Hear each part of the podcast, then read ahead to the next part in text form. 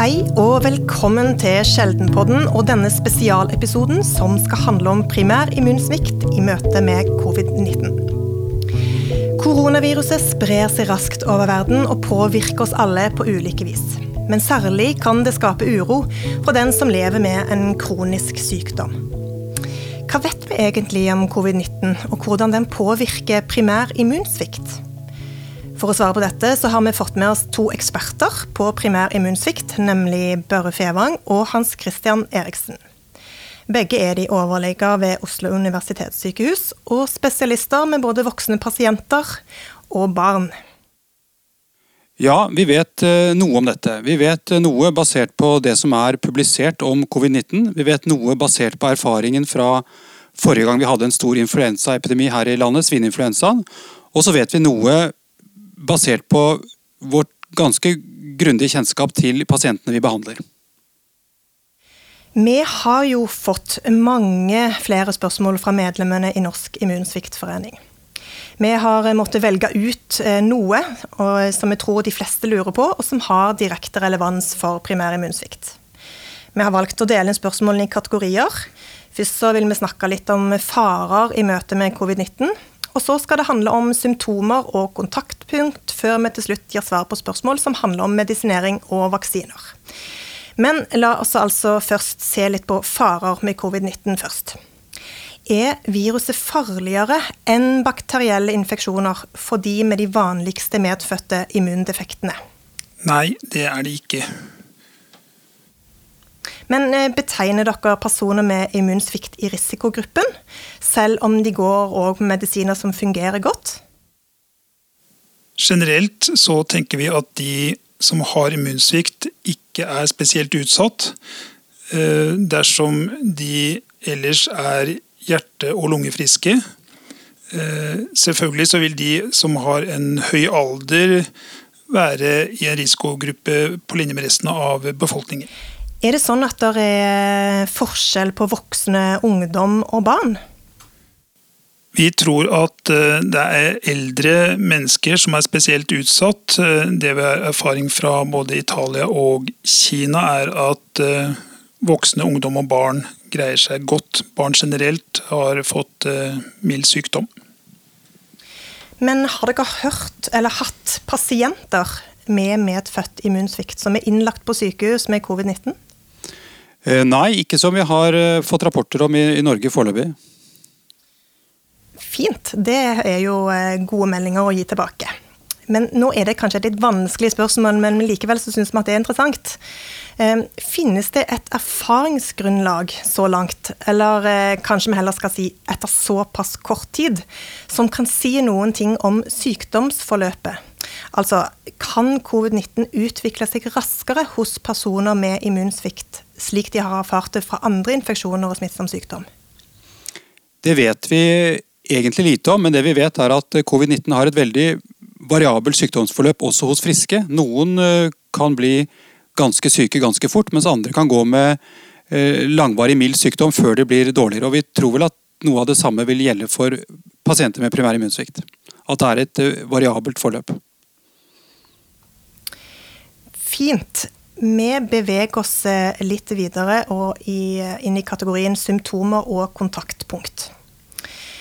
Det meldes om at mange med immunsvikt ikke får feber. Men er det andre tegn man bør følge med på? Det en kan behandle ved en eh, koronavirusinfeksjon, er pusteproblemer.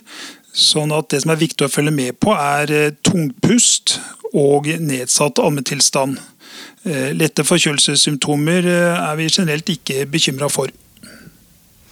Noen med immunsvikt har jo òg autoimmune sykdommer og får immundempende medisiner. Må disse være ekstra forsiktige? Det vi vet er at personer som har fått eh, organtransplantasjon, hjerte, lever eller nyre og står på flere forskjellige kraftige immundempende medisiner har greid seg veldig fint. Slik at uh, vi har ikke holdepunkt for å si at uh, de som får immundempende medisiner, trenger å være ekstra forsiktige. Men uh, hvordan er det med smitterisiko for immunsviktpasienter, er den den samme som for den øvrige befolkningen? Altså Skal de følge de samme regler? Ja, jeg syns en skal forholde seg til retningslinjene som Folkehelseinstituttet gir ut og oppdaterer regelmessig. Og så er det kommet et spørsmål som jo er litt på siden, men kanskje likevel er litt eh, relevant for mange nå i disse dager. Spørsmålet er er mistrivsel, altså type depresjon og isolasjon, en faktor som virker negativt på motstandskraften en har mot sykdommer og smitte? Ja, Det er absolutt et relevant spørsmål, og det er et såkalt godt spørsmål. Dette vet vi ikke så mye om, men eh, vi vet i hvert fall at det er godt å ta seg en tur ut i sola. Det var et eh, klokt svar. Så er det et spørsmål om hvor lenge må du ha hatt symptomer for at en test er riktig svar? Altså Kan f.eks. en person som har fått, har fått falsk negativ test etter for få dager med symptomer? Av de testene som vi nå bruker for å påvise covid-19 er ganske følsomme. og Det betyr at eh, vi tror det er få såkalt falskt negative tester. Vi tror vi fanger opp de aller fleste med positiv sykdom.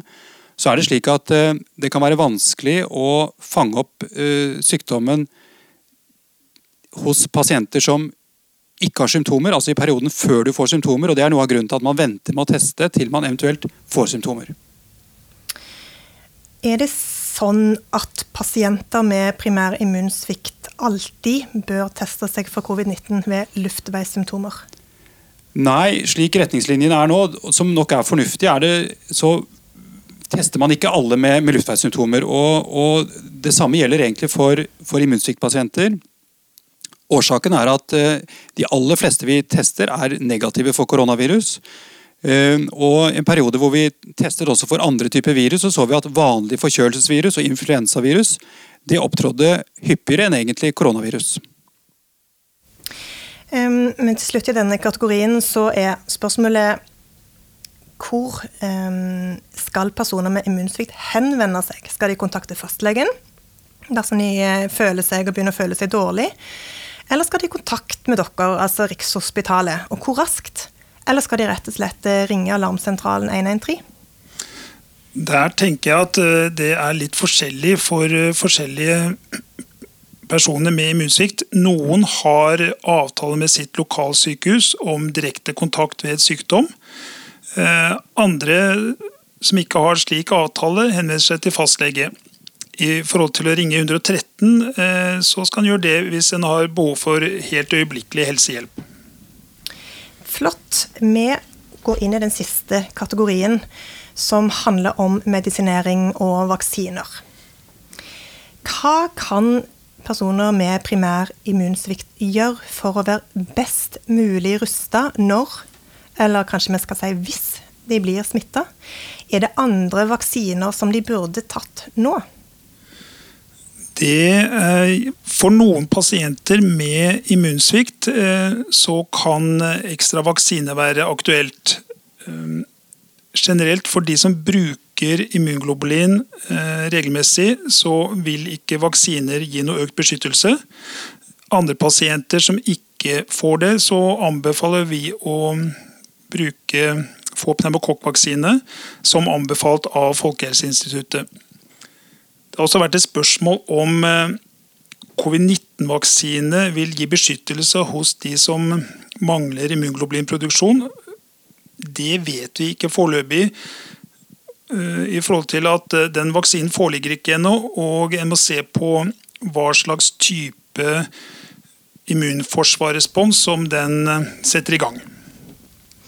Så har vi jo fått en god del spørsmål om gammaglobuliner altså beskytte gammaglobuliner behandling mot covid-19.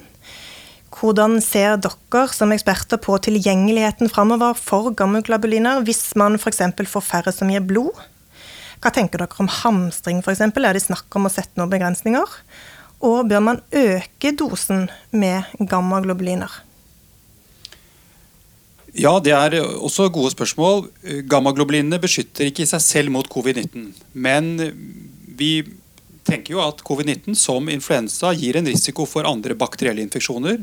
Og gammaglobulinene vil beskytte mot det, slik at du får en indirekte beskyttelse mot komplikasjoner til covid-19-infeksjon.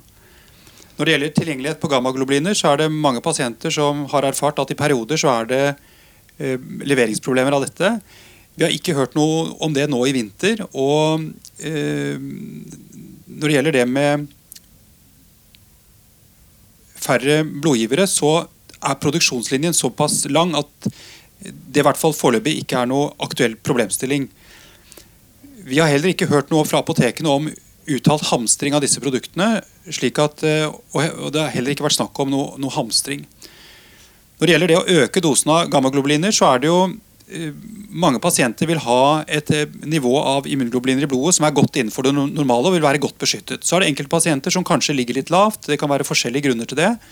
Og Hvis man har fått opplyst dette og Eh, har muligheten for å sette noe ekstra gammaglobuliner, f.eks. en ekstra dag i uken, så kan det kanskje være fornuftig akkurat i disse månedene her. Det er et eh, spørsmål også som, som går på immundempende medisiner. Bør personene som går på dette, slutte med det? Det korte svaret på det er nei.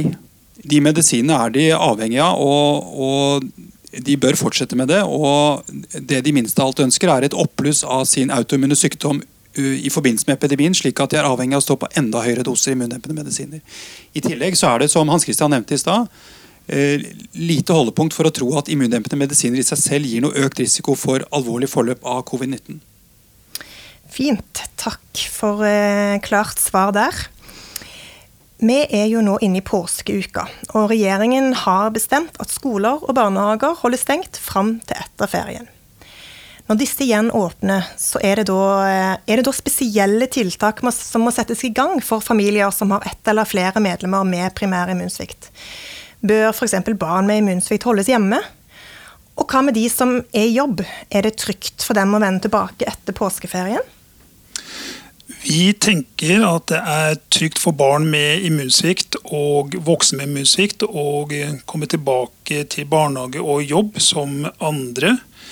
Ehm, unntak er de som har andre alvorlige risikofaktorer, som, som uttalt hjerte-karsykdom, uttalt lungesykdom eller eh, høy alder, der man gjør individuelle vurderinger. Jeg tenker at Generelt for store flertall så er det fornuftig å forholde seg til rådene fra Folkehelseinstituttet. Både Børre og jeg er i tett kontakt med Folkehelseinstituttet angående råd eh, til musikkpasienter. Det var eh, de eh, spørsmålene vi hadde tenkt å gi svar på i denne podkasten. Du har altså nå lytta til Sjeldenpodden og vår spesialepisode om primær immunsvikt i møte med covid-19. Tusen takk til dere begge, ekspertene våre Børre og Hans Christian. Takk til alle som har sendt oss spørsmål, og for godt samarbeid med Norsk immunsviktforening. Ansvarlig for podkasten er Olve Mollestad. Produsent og programleder var ved meg, Kristin Rosnes Holte. Og vil du lære mer om primær immunsvikt, kan du gå inn på vår hjemmeside sjeldnediagnoser.no. Så da gjenstår det bare for meg å ønske dere alle en riktig god påske.